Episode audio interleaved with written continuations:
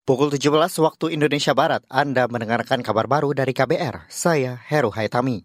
Kita awali dari informasi pemilu. Kabar Pemilu. Kabar Pemilu. Presiden Joko Widodo memberikan tanggapan terkait kabar anak bungsunya, Kaisang Pangarep, yang akan maju menjadi bakal calon wali kota Depok, Jawa Barat. Jokowi mengatakan sebagai orang tua ia punya tugas merestui dan mendoakan namun dia menyerahkan keputusan itu kepada Kaisang.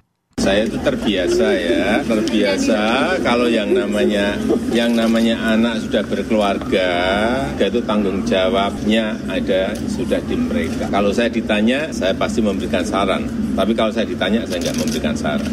Tanyakan langsung ke uh, Kaisang.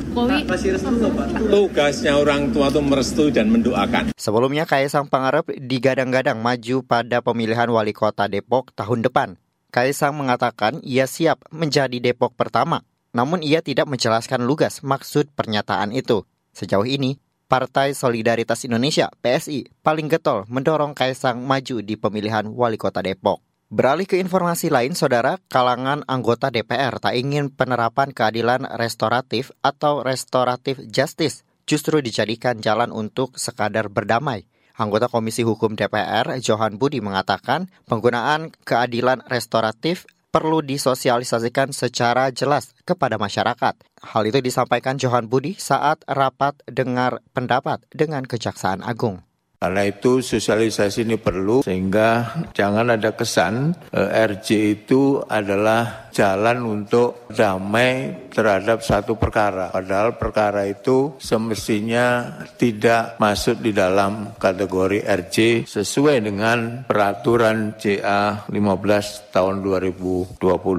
Anggota Komisi Hukum DPR Johan Budi mendorong Jaksa Agung Muda Tindak Pidana Umum meningkatkan pengetahuan jaksa untuk mengatasi kasus-kasus dengan keadilan restoratif. Sepanjang tahun lalu, Kejaksaan Agung mengeklaim telah menyelesaikan 1.400-an kasus melalui mekanisme di luar pengadilan dengan pendekatan keadilan restoratif. Terakhir kita ke lantai bursa, saudara, perdagangan saham di Bursa Efek Indonesia. Sepanjang hari ini berkutat di zona merah.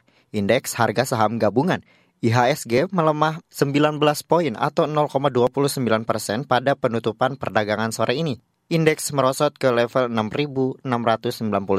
Dilansir dari Investor ID, pelemahan IHSG dipicu anjloknya sebagian sektor saham, mulai dari teknologi, kesehatan, keuangan hingga konsumer primer. Melemahnya IHSG terjadi menjelang pengumuman suku bunga Bank Sentral Amerika, The Fed, pada Kamis dini hari nanti.